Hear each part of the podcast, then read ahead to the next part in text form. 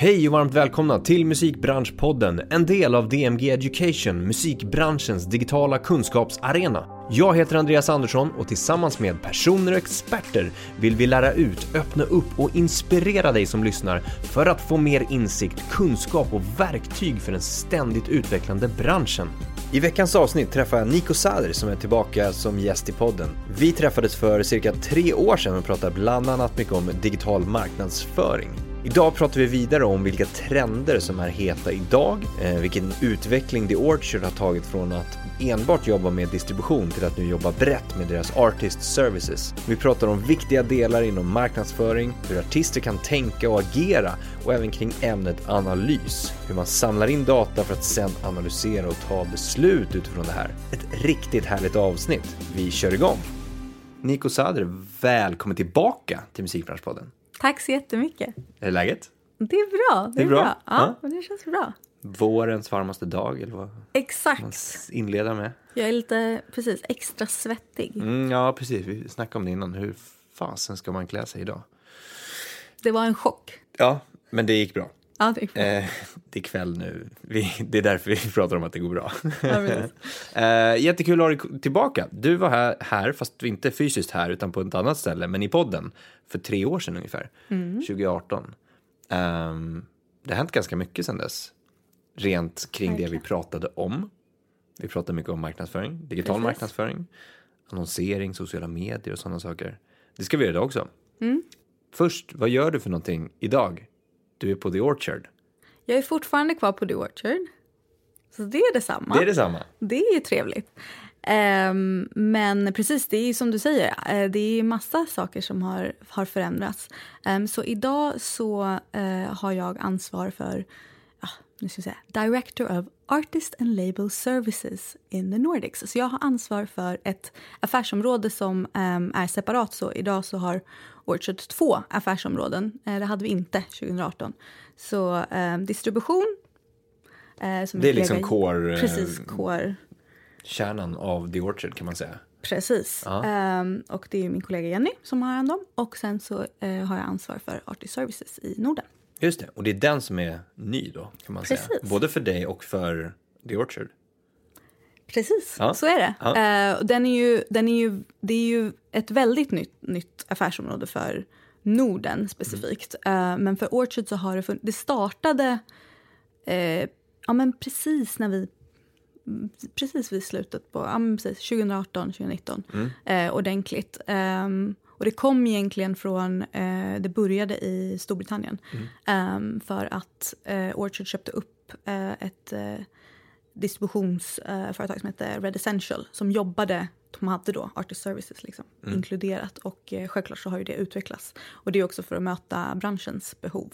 Just Så det har det. utvecklats till massa olika länder nu. Ja, härligt. Mm. Men om vi börjar där och bara så här, distribution. Eh, hur, hur ser distribution av musik ut idag? Bra fråga.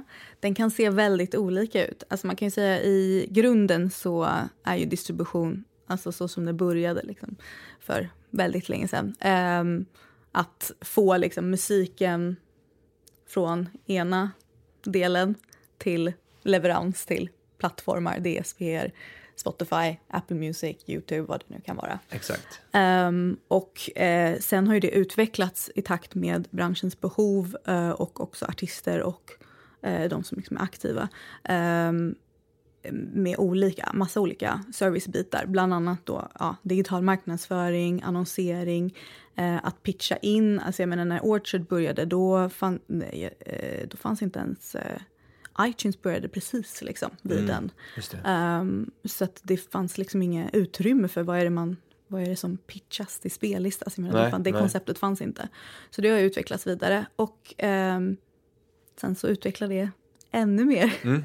Men, och det är väl man- det som går in till Artist Services. Ja, exakt. För när man tänker på distribution så tänker man väl ofta, alltså som kanske kreatör eller artist, så tänker man varför behövs det? När man kan göra det själv i en aggregator till exempel. Precis. Varför använder inte alla det, tänker man då?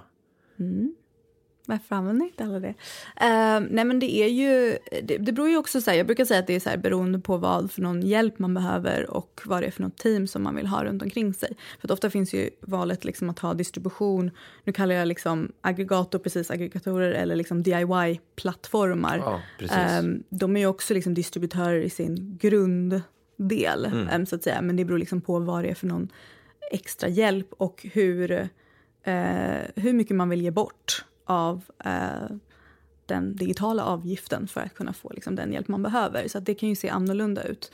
Eh, och eh, Orchard har ju aldrig varit någon liksom, öppen plattform där vem som helst kan signa upp sig. Men det innebär också då att vi, vi har en, en, en mer service som vi erbjuder de som vi arbetar med. Mm. Eh, men Eh, också att man då har, ja, att det, det inte är nollprocentig avgift till exempel. Eh, och sen så finns det ju, ja, det alternativet gentemot ett traditionellt skivbolag till exempel. Mm. Eh, så att det finns ju liksom olika, det finns ju fler och fler alternativ vilket är jättebra. Ja, men hur funkar det då för, från er till, är, är det liksom eh, är det aktörer som, som kommer till er och säger så här, hej vi vill ha hjälp av er? Eh, eller är ni ute och också kolla läget och liksom skapa samarbeten? Det är en jättebra fråga. Eh, och eh, eh, det är både och. Ja. Så det är ofta, väldigt ofta så är det ju um, jag menar nu har vi varit med ett tag kanske man säger. så att det är ofta att det är rekommendationer eh, från att det är någon som är väldigt nöjd med att arbeta med oss, vilket är fantastiskt. Det är eh, alltid kul. Eh, och, eller att det är någon som är nyf nyfiken, eh, kanske har hört någonting eller läst någonting och vill mm. veta mer. Eh, och sen är det självklart de som vi liksom ser och så här, åh gud, de här vill vi jobba med och vi tror verkligen att vi kan eh, hjälpa. Eh, det är ju liksom så här perfekt de bästa är ju liksom de här perfekta partnerskapen. Mm, mm. Eh, samarbetena som man kan hitta. Eh, där man tror att man verkligen kan hjälpa ett skivbolag till exempel, eller en mm. artist apropå det, så, så när jag pratar med en del personer som kanske är yngre och vill in i branschen eller artister så, så, så hör man just artist services, om vi går in på den biten. Mm. Och då, eh, man kanske inte riktigt förstår vad det innebär. Vadå, det är, är det, är det liksom som en butler service att jag kan trycka på en knapp och så får jag önska vad jag vill och så gör ni det? Det vore verkligen så fantastiskt, vore inte det? Uh, jo men det är precis, alltså det är lite, det, det, det, är så roligt för att det kanske inte är alltid, det är ofta att man får höra så här, ja men de som kanske inte är i musikbranschen inte förstår vad det är. Men jag tror att de som är i musikbranschen inte alltid heller förstår sant, vad det är. Helt sant. Uh, och det är kanske det som jag tycker är ganska fantastiskt. Ibland kan det vara svårt att, att förklara exakt vad det innebär. Men det är egentligen att det innebär att vi kan erbjuda den servicen som ni behöver och det ja. kan se annorlunda ut. Och för mig som är, för, för mig som är kreativ, eh, jag menar när vi pratade 2018 så jobbade jag liksom direkt med eh, digitala eh, kampanjer och fick vara kreativ på det sättet. Mm. och nu även om, om jag har liksom hand om det, det teamet och jobbar med fantastiska människor som får göra det så, så får jag vara kreativ nu i typ avtalsstrukturer och vad vi erbjuder. Mm. Eh, för att varje avtal ser annorlunda ut och varje behov ser annorlunda ut. Så att det som man traditionellt sett så kan man säga att vi på Orchard har ju aldrig erbjudit PR-hjälp, till exempel press och radiohjälp.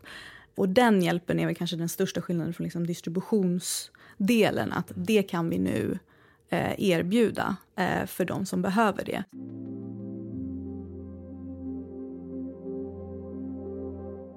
När vi pratade 2018, jag, jag har fått det berättat för mig vad, vad vi sa för någonting. Ehm, så, så beskrev du marknadsföringsklimatet som att plattformarna har mognat och fått nya funktioner. Uh, AR-filter och Gud vad GIFs. spännande, förlåt. Eller hur? Ja. det är som att så här, resa tillbaka Gud, tre år vad jag sa? i tiden. Uh, AR-filter och GIFs, GIFar är hett, Instagram, Facebook och Spotify är de viktigaste plattformarna i marknadsföring. Oj, vad roligt. Hur... Sen tror jag att jag skickade, jag, jag tror jag la, la till YouTube i slutet där va? Gjorde ja men det måste du ha ja, det måste såklart. Ja. Um, hur, hur skulle du säga att det ser ut idag då om du får sammanfatta det lite grann? Giffar är alltid hett tycker jag. Alltid coolt. Ja, jag vet inte. Eh, nu kanske jag kommer bli så här, men det, det, kan, det, det är en liten vattendelare, är det inte det också? Ja, jag tror att det är en liten Jo, men det tror jag. Men, den, men de fortsätter ju. Liksom. Jag menar, det finns ju Instagram stories har ju också sina, alltså så alla plattformar har ju liksom att de fortsätter och de, funktionerna finns där. Ja. Eh, men så TikTok är ju jättestort fokus. Vi, alltså, var, var och varannan vecka så är det ju Mm. någonting som trendar på TikTok som förs över på, liksom, som kommer över till eh, streamingplattformarna. Så det måste man ju ta upp, Mm. definitivt har förändrats. Jag tycker att konversationerna kring, alltså plattformarna har mognat, men konversationerna kring, och speciellt nu under senaste året, möjligheter till intäkter. Det har ju liksom, det är Mm. Alltså ju en på de respektive sociala plattformarna till På exempel. respektive, precis, på respektive på sociala plattformar. Alltså mer, mer för att det, och det som verkligen hände när corona slog till var ju liksom att man, in, att man förstod att oj gud, live försvinner helt. Då finns det ingenting som jag kan livnära mig på. Vad kan de här andra plattformarna eh, liksom erbjuda? Så dels är det ju alltså plattformar som Twitch till exempel som har varit väldigt duktiga på fanfunding och det liksom har varit mycket snack kring hur kan eh, streamingplattformarna till exempel eh, ta in det. Och det såg vi i början på corona så hade ju Spotify den här covid relief. Eh, så det var en sån variant. Eh, Facebook lanserade ju Stars. Eh, och eh, Instagram. Så att jag menar det finns ju liksom massa olika funding. Jag tror att senast nu i veckan så var det väl Twitter som nu tillåter eh, eh, fanfunding, direct funding också. Och Youtube har ju också eh, en sån variant. Så det tror jag har verkligen liksom är en konversation som kommer fortsätta, liksom har funnits men kommer också fortsätta i framtiden. Ehm, och, det, och det går ju in i, eh, alltså om man vill gå in i så ny teknik så kan vi prata om NFT, eh, ja, NFTs och sådana bitar också. Det går, och det är ju också en ny intäkt, alltså inkomstkälla. om Ja men så. exakt. Ehm, så att, eh, och videor. Facebook har ju lanserat Facebook vi- videos. Ehm, det finns ju hur mycket som helst med liksom, Instagram och utveckling av det. Ehm, så att det tycker jag är väldigt intressant. Mm, mm. Eh, sen tror jag att, pratade vi om, för att jag, jag känner att jag har pratat om det här i flera år men det kanske jag inte har. jag måste ha gjort det, men vi kanske inte pratade om det. Men just det här med att, att det liksom inte finns någon så här artist, lyssnare, fan relationen har liksom ändrats, förändrats kring det. Att det liksom är så här, create, det fann, förut fanns det liksom så här, man kan kalla det liksom creator och sen så har man liksom listener eller fan. Men nu är det liksom creator, co-creator, co-creator. Exakt. Att man liksom tar någonting, även när det gäller liksom musik. Mm. En person kan ta en, musik, en, liksom en låt och sen göra någonting helt annat av det. Mm. Jag menar meme-kulturen är ju kanske det bästa exemplet på det. Mm. Eh, men eh, TikTok är ju verkligen ett liksom, bra exempel Mm. på att ta det och Instagram stories och sådär. Och, så vidare. Eh, och jag tror att det, allt, och det handlar alltid om att känna sig nära. Alltså oavsett Mm. vad, alla de här bitarna och liksom, man, kan, man kan känna liksom med digital marknadsföring att saker och ting förändras ju så snabbt vad man ska använda. Men det handlar om, alltid om att känna sig nära artisten. Jag har tänkt på det med um, Clubhouse till exempel. Ja. Och alla de här varianterna på audio. Ja, vet, alla, alla plattformar hoppar på det, sin egen version nu. Eh, med att det som jag kanske tyckte eller tycker är var, det bästa exemplet jag, ehm, jag var med om var alltid de här liksom, när artister kommer in med sina team. Det var en, jag kommer ihåg med eh, Mona Masrour, eh, där det var liksom så här, hennes kreativa team som pratade om Ja, det var en listening session egentligen av hennes album men pratade om eh, hur det liksom, vad temat var kring albumet och allt sånt där. Allt, och, det, och det kändes, av någon anledning så känns det ju också för att det är liksom ny, platt, ny plattform. Eh, men att det känns liksom extra nära för att det var ljud, ba, bara ljud. Men jag tror att det som var intressant var att det inte hade gjorts annars med hennes kreativa team. Varför får man inte höra från hennes kreativa team annars? Exakt. Och det, och, och det får mig ju känna närmre musiken och henne som person också. Och det tyckte jag ja, är så fantastiskt. Det kan vara så enkla grejer som gör att... Och det är liksom, grunden ligger alltid i detsamma. Och det är samma sak med de här co-create, alltså att jag tar liksom en låt och gör den till min, gör så att jag känner att jag är med på din liksom resa till exempel. Mm, exakt. Men eh, bara tillbaka till det här vi pratade om med många plattformar, det- det ändras och, och, och klimat och sånt där. Alltså som, som artist, kreatör kan man ju känna sig kanske vilsen då. Vad, vad man ska lägga fokus på. Ehm, hur ska man liksom vara on top hela tiden? Hur ska man hålla i trender? Hur ska man hinna? Hur ska man föra sig? Hur ska man konversera? Vad ska man lägga ut? Vad ska man posta? Vad ska man inte posta? När ska man göra det? Hur ska man kommunicera? Alltså, eh, de här, jag vet att det är många som har sådana tankar.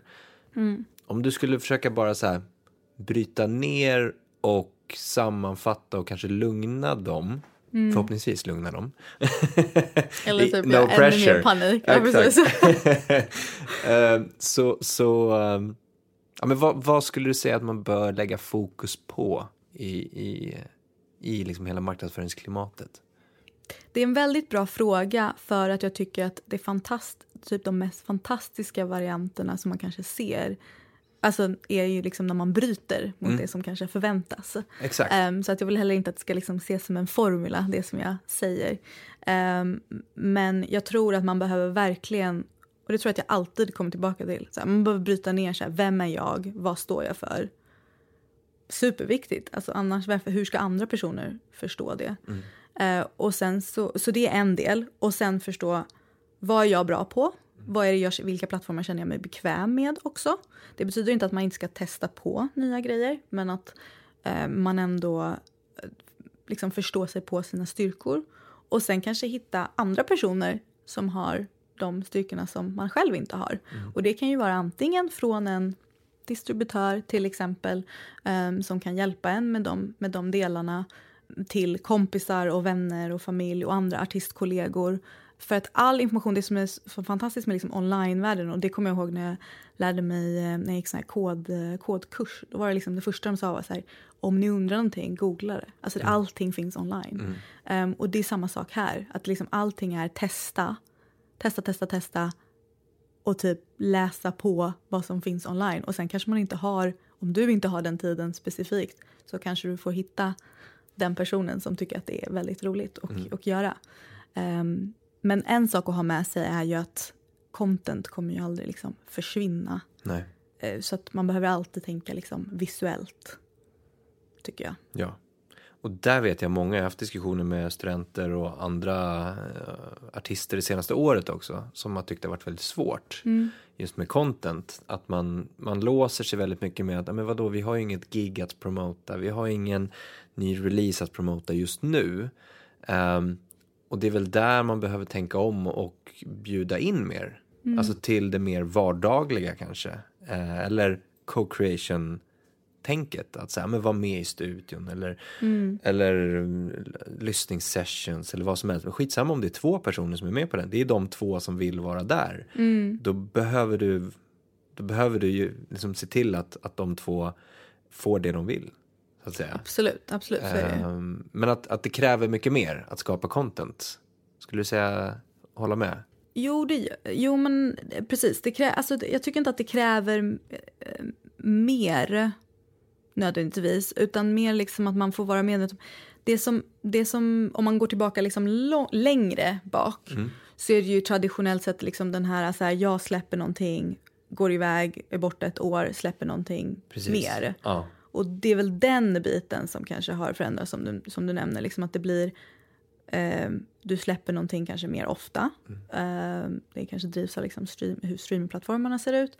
Eh, men även emellan de släppen att, eh, att, pra, att, precis, att våga eh, eh, det handlar om ett naturligt behov som alla människor har egentligen. Att liksom connecta med varandra. Så jag tror att man, man får se det som det. Att, liksom, att det, det du gör i studion är troligtvis för att någon annan liksom kommer tycka att det är kul att, att titta på för att de connectar till vad, de, vad du gör. Men också, och det har varit fantastiskt att se med många artister nu senaste året att de så här, eh, är mer utåt riktade när det gäller att prata om de, det de brinner för Ja. som person. Ja. Och det tycker jag är superviktigt. Och det tillåter ju att man hittar liksom sin tribe, community. Ja. Ehm, så att det ska man våga göra. Definitivt, liksom, oavsett vad det är för någon plattform man gör och vad det är nu, liksom content och allt sånt där. Sen hur det kan se ut. Liksom. Men Jag, tror att, eh, jag tror att det är väl den vanligaste grejen som många artister känner sig obekväma med. Mm. Ehm, och det kan se annorlunda ut. Alltså jag menar, mitt jobb är ju att hitta eh, till viss del och liksom hitta den vinkeln Ja. som man kanske själv inte ser. Men det här med analys då? Mm. Som du sa, du nämnde, ni har ju mycket analysverktyg. Nu ska Ja. vi rota i The Orchards eh, verktygslåda. Nej. Men men eh, ni jobbar ju mycket med liksom att analysera hur musiken går. Det gör ju för sig alla, Mm. såklart. Eh, men eh, ni släppte en app, Orchard Go-appen. Vad är det för Mm. Det något? har vi gjort. Precis, det är, det är en app som hjälper till. Alltså, jag ska säga, precis, det finns flera olika bitar till det här. Så att den, mycket av datan och analysverktygen, de finns liksom, de har alltid funnits där. Eh, och sen utvecklas ju det självklart. Men de finns där, men att det har varit mycket att eh, våra skivbolag kanske aktivt behöver liksom gå och titta på det. Så att det är för de som liksom extra intresserade. Och sen behöver de ju självklart hjälp att hitta liksom, eh, jag tror att det, det viktigaste med data är att hitta sammanhanget. Annars kan man ju ha hur mycket data som helst. Det makes no sense. Liksom. Men eh, det vi ville göra med Orchard- Orchard Go var ju att ge ett, ehm, en möjlighet att man kanske inte aktivt behöver gå och söka det utan man kan få notifikationer när man till exempel har kommit in på en spellista eller när ens... eh, Det var också en kombination av att eh, eh, få streaming streamingdata tillsammans med sociala data på liksom ett ställe. Ehm, så att när man får, när det går liksom bra, ehm, extra bra eller att man har fått liksom många följare så får man liksom en notifikation att det liksom går ut, eh, att det ser lite ehm, att det inte följer liksom att det har gått liksom över trenden till exempel. Mm. Har verktyg som kan analysera det väldigt bra. Eh, och då får man en notifikation. Så det är ett väldigt enkelt sätt. Sen kan man ju då välja att gräva vidare med våra andra verktyg. Mm. Eh, om man då liksom ser, ah, okej, det är någonting spännande som händer här. Då kan vi ta en titt på det. Det måste ju vara supernyttigt verkligen. Verkligen. Det är, jag eh, använder den hela tiden. Ja. Det är väldigt nyttigt, speciellt när man liksom, eh, följer låtar och sådär som jag har släppt. Men då använder ni den i syfte att liksom, ja, men som du sa, skapa kommande kampanjer och analysera vart, hur, på vilket sätt, när, alltså, Ja, jag har ju tillgång till ännu fler analysverktyg ska jag säga. Eh, vi har ju även lanserat ehm, Orchard Insights i betaversion. Eh, och det, vi har ju liksom även en Insights-version och sen så har vi våra interna eh, så man kan gräva ännu djupare och har även ett eh, ehm, datateam som man kan eh, få hjälp av. Ehm, så att eh, det är ett väldigt bra startskott kanske att hålla koll på och också hålla koll på liksom, när man är på väg någonstans. Eh, nu har vi många av oss jobbat hemma eh, hemifrån men eh, det tror jag är guld värt och det har vi också hört från, från feedback från våra skivbolag och artister. Liksom så att, det, är så enkelt att man inte behöver alltid logga in och sätta sig ner. Det är kanske inte den tiden man har alltid. Um, så det är väl det som liksom är väldigt skönt med, med appen just. och det, du var inne på det förut, så här, hur man använder datan, vilket beslut man tar utifrån datan, det är det som är det viktiga. Men är, det, är det lätt att göra det? Alltså i allt det här som du sa, du, ni har massa verktyg, ni samlar in data. Är det lätt att ta beslut utifrån det som kommer in? Det gör det lättare Ja. Um, jag ska säga att det är ju inte... Det finns hur mycket som helst på det området som kan fortsätta utvecklas. Som jag verkligen ser fram emot och som jag vet att vi också liksom, har ett team som jobbar på. Um, som inte har hänt, alltså jag menar man kan ju, ja men du vet om man ska prata om artificial intelligence kan man ju prata om det i samband med data också. Liksom Exakt. förutsäga. Um, så det är väldigt spännande. Eh, en spännande del. Men det gör ju det lättare att kunna ta beslut. Alltså om man planerar en kampanj till exempel. Oavsett om det är annonsering, en helhetskampanj, var ska man spendera liksom, press och radio, vilka territorier vill man prata om. Det liksom, den feedback kan man ju få från kollegor till exempel, men data är ju guld värt när det gäller det. Eh, och streamingdata specifikt då. Eh, och vi har ju också liksom det, det, det som jag tycker är spännande är när man kan koppla ihop så att man ser till exempel, okej vi fick en synk och det bidrog till det här. Eller Exakt. vi gjorde eh, marknadsföring, ja precis, annonsering och liksom, då det hände det här. Ehm, och det är ju väldigt intressant också med så Youtube-datan som vi ser så här, nu släpper vi musikvideo, då ser man liksom den, vad som händer som, och att man kan följa det och koppla alla de bitarna till varandra. Det är då det blir väldigt intressant. Ja. så att det hjälper ju jättemycket Ja. att ha de bitarna. Ja men exakt, och se någonting, liksom, vad händer i beteendet där borta när vi gör någonting där borta? Exakt. Och liksom ger det någon effekt? Och det, det är väl också testa på. Absolut. Och sen analysera vidare, testa på och analysera. Och så här, ah, det där funkade. Mm. Då lägger vi in liksom en större insats där kanske. Mm. Ehm, Alltså min, min, det är liksom, när jag, ja, det, det som jag förstår mig minst på är liksom sen när man bara, nej men vi ska spendera så här, speciellt när det är så pengar involverade Ja. och det är artistpeng, alltså det är pengar som kommer från en artist eller skivbolag eller vad det nu är. Eh, att det liksom är, ja okej vi ska spendera det här och så frågar man så här, men varför? Ja men bara för att det, det är så det alltid har gjorts eller liksom det Nej, men, och- eller att man liksom inte har reflekterat. Ja, det är ett stort territorium. Liksom. Ja, men okej, vi ska... Då blir jag så här, men nej. Alltså, det finns ju verktyg som kan hjälpa en.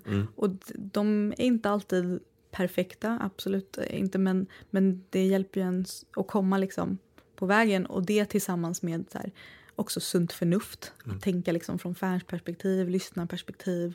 Um, kommer, ganska, kommer man väldigt långt. ja, och jag tror att du nämnde någonting i början av vårt snack nu, alltså målsättningar också. Mm. Att så här, du behöver ju också utgå, en, alltså som, vi ska lägga så här mycket pengar på en sån här kampanj. Varför det?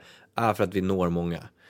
Okej, och vad är syftet med att nå många då? Alltså vad är målet med det här från första början? Det, det måste ju sättas först.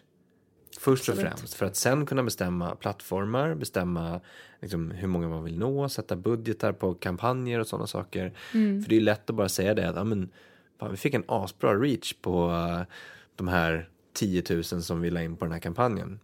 Men vad har det genererat då? Har det gett någon effekt? Och utifrån de målsättningarna som vi ville, alltså skulle vi öka streams eller skulle vi dra biljettintäkter? Skulle vi eh, skapa liksom knowledge eh, för den här artisten? Eller vad är Alltså jag blir målet? så glad av att höra för att det är, så, det är verkligen, ja men det är verkligen så. Mina favoriter är verkligen, ja, när det är den här, just det här med att man alltid kollar på liksom reach Ja, eller click-throughs. click-through. Ja, Utan att bra. liksom eh, reflektera över, precis vad var det som var målsättningen? Också så här, vilken den målsättningen som man sätter upp. Om man pratar specifikt om man ska gå in och rota liksom i digital annonsering. Mm. Så är det ju väldigt mycket att plattformarna avgör ju, alltså de resultaten du får avgörs av vilka målsättningar du sätter upp för att de optimerar det på ett specifikt sätt. Och att vara medveten om det.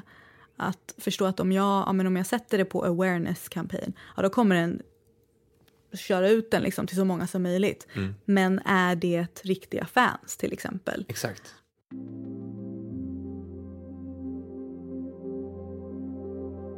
Jag är lite nyfiken på det här med, vi har pratat med en, en del andra gäster om det, just TikTok som du var inne på. Det är fortfarande hett. Ehm, det kommer fortfarande vara hett. Vad, vad, hur jobbar man med TikTok som kreatör, skulle du säga? Alltså artist, mu- musikartist. Det är en jättebra fråga. Eh, och jag tror att många av våra artister frågar sig det också. Verkligen. Ehm, jag tror att vi... ehm, jag tror att det handlar om... Det som, det som man kanske får fel om TikTok är att det kanske bara är liksom en, specif- en, typ av, en specifik typ av content.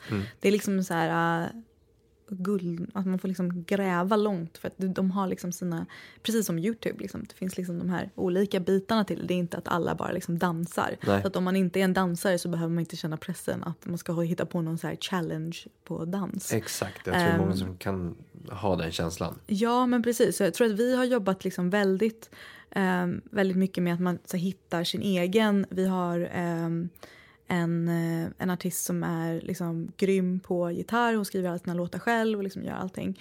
Eh, och eh, det är ju fantastiskt att hon... Alltså det finns liksom gitarr, det finns en hashtag specifikt för det på TikTok, liksom gitarrtalk. Att hon kan liksom lära ut ehm, ja, gitarrslingor. Vi hade en jätte... Det var en av våra artister, Blue the Tiger, blåste ju upp på TikTok. Eh, bara liksom av att hon... Och det som kändes så himla autentiskt med det var för att hon bara spelar sina... Hon spelar på sin bas. Och liksom spelar sina slingor på liksom olika eh, låtar som hon tycker om. Eh, och att det kan man också göra. Det behöver liksom inte vara det där, den, den typen. Och sen så självklart kan man ju liksom ja, man kan göra de här traditionella bitarna som så här, duetta med andra personer och göra liksom roliga klipp och ja, sådär. Så att eh, det, det krävs ju alltid kanske en, ehm, en självdistans. Men mm, det finns någonting för alla. Men det handlar ju om att liksom på något sätt du, du har lite så här självdistans men också att släppa själva, inte släppa, men, men för en stund släppa musiken bara. Alltså så här, en del kan ha lite tunnelseende med att så här, hur får jag ut min musik på TikTok? Att det kanske inte är det du ska göra, du kanske ska bygga varumärke, alltså Precis. artistvarumärke på den plattformen genom att, alltså som du sa, ge gitarrlektioner nästan inom citationstecken eller liksom bygga engagement med dina fans på något annat sätt. Precis. Du kanske är superbra kock, inte vet jag. Och så det Exakt. så här, eller veckans smoothie eller dagens finns hur smoothie. mycket som Alltså helst. Gå och göra hur mycket som helst som inte har kopplat till din, att sälja din musik, Mm. att få ut din musik. Så det är väl det mycket av liksom sådana saker man kanske bör ta med sig som artist kan jag tänka mig. Definitivt. Jag vet ju att du sitter faktiskt med i en taskforce som det heter. Eller vi pratade Ja, en, en task force. Ja, precis. en, en arbetsgrupp eller Ja, en precis, vad det nu ledningsgrupp. skulle vara. Ja, eller, eh, Men vi, vi bestämde oss för att säga task force. Ja, vi håller till originalspråket. Ja, det är en det låter ju global, coolare också. en eh, global task force em, för The Orchard specifikt. Mm. em, som vi kallar SIPA, som står för Council for Equity em, and Progressive Action. Det ska vara helt rätt. Mm. Det tog faktiskt ett tag för oss att komma fram till det namnet. Eh, men det är liksom ett fokus på att skapa ett, eh, ett mer jämlikt företag på alla nivåer. Em, allt från anställningsprocessen till även de anställda som vi har, till våra artister eh, och även våra skivbolag som vi jobbar med. Em, så det är liksom många olika håll och kanter som, som vi jobbar. Men vi är sju personer globalt em, som sitter och det byts ut. Eh, det tanken är då att man byts ut varje år Okej. eh, och man blir nominerad då av sina kollegor. Em, så förra året blev vi då nominerade och eh, det var första året som, som All right. kommit igång. Och vad, vad, vad är det ni vill... Jag förstår, som du sa, ja, men det är allt från eh, anställningsprocesser till liksom, samarbeten och sådär. Men hur, hur jobbar ni aktivt med det? Vad är det ni vill föra in annat än bara medvetenhet? Mm, det är en eh, jättebra fråga och också har varit liksom mycket av typ de diskussionerna som pågår. Så dels är det ju alltså att ha, våga ha svåra konversationer och medvetenhet. Det började ju eh, förra året med Blackout Tuesday. Ehm, och jag måste säga det från mitt eget personliga perspektiv så insåg jag jag pratar väldigt mycket om de här frågorna både med mina vänner utanför och eh, med mina kollegor internationellt sett. Men jag insåg att jag eh, har av någon anledning aldrig gjort det med, min, med mitt nordiska team. Mm. Eh, och det var väldigt bra liksom, teman som kom, diskussioner som kom ut. Som liksom startat därifrån. Och mycket av det kommer från att jag eh, ofta har känt mig som liksom den en- enda personen i rummet. Så. Eh, som kanske är liksom ja, POC som man säger då. Och därför kanske inte tänkt att ja, men, liksom, i, i svenska utrymmen så är det ofta liksom att ja, men, det är inte någonting som kommer upp liksom naturligt medan mer internationellt sett så eh, kanske det är liksom mer naturligt att eh, de frågorna kommer upp. Men med det sagt, ja, och alla de konversationerna, det som har har varit väldigt intressant är när man, pra- när man tittar på globalt sett är att alla de konversationerna är väldigt lika. Mm. Oavsett om jag pratar med mina kollegor i US- USA som har en helt annan vardag än vad jag har i, i Sverige. Och dessutom om, eh, speciellt med liksom Blackout Tuesday och George Floyd, mina svarta kollegor som går igenom en helt annan liksom, eh, upplevelse. Eh, men att vi ändå har ganska mycket gemensamt i våra erfarenheter. Bra. Mm. Mycket bra initiativ. Verkligen. De är Eh, fantastiska, ja. mitt lilla gäng och jag tänkte jag säga. Hoppas fler som eh, gör så. Alltså Mm. företag framför allt. Eh, och tar action, inte bara som du säger, så, eller som vi inledde, liksom att man skapar medvetenhet, även om det kanske är första steget, absolut. Men sen behöver du ju ha en kontinuitet i det och du behöver ha en plan för och lägga upp hur, hur du ska jobba. Precis, verkligen. Super, superviktigt. Um, du Nico, uh, superkul att snacka med dig. Igen. Tack. Tack. Så ska vi ses vi om tre år igen eller? Ja precis, ska vi ha varje tre år? Ska det är vi- då jag säger att jag inte hänger med längre. Exakt, det är då där. Den där plattformen, vad hette den nu då? Ja. Nej men superkul. Ehm, vi ses och hörs. Vi ses, tack Ja. så jättemycket. Tack för att ni är så många som lyssnar på podden. Det är ni som gör att vi kan fortsätta. Prenumererar du inte på podden så är det ju faktiskt hög tid att du klickar på den där lilla knappen nu. Och för ännu mer kunskap, gå in och registrera dig för kunskapsbrevet på vår hemsida dmgeducation.se.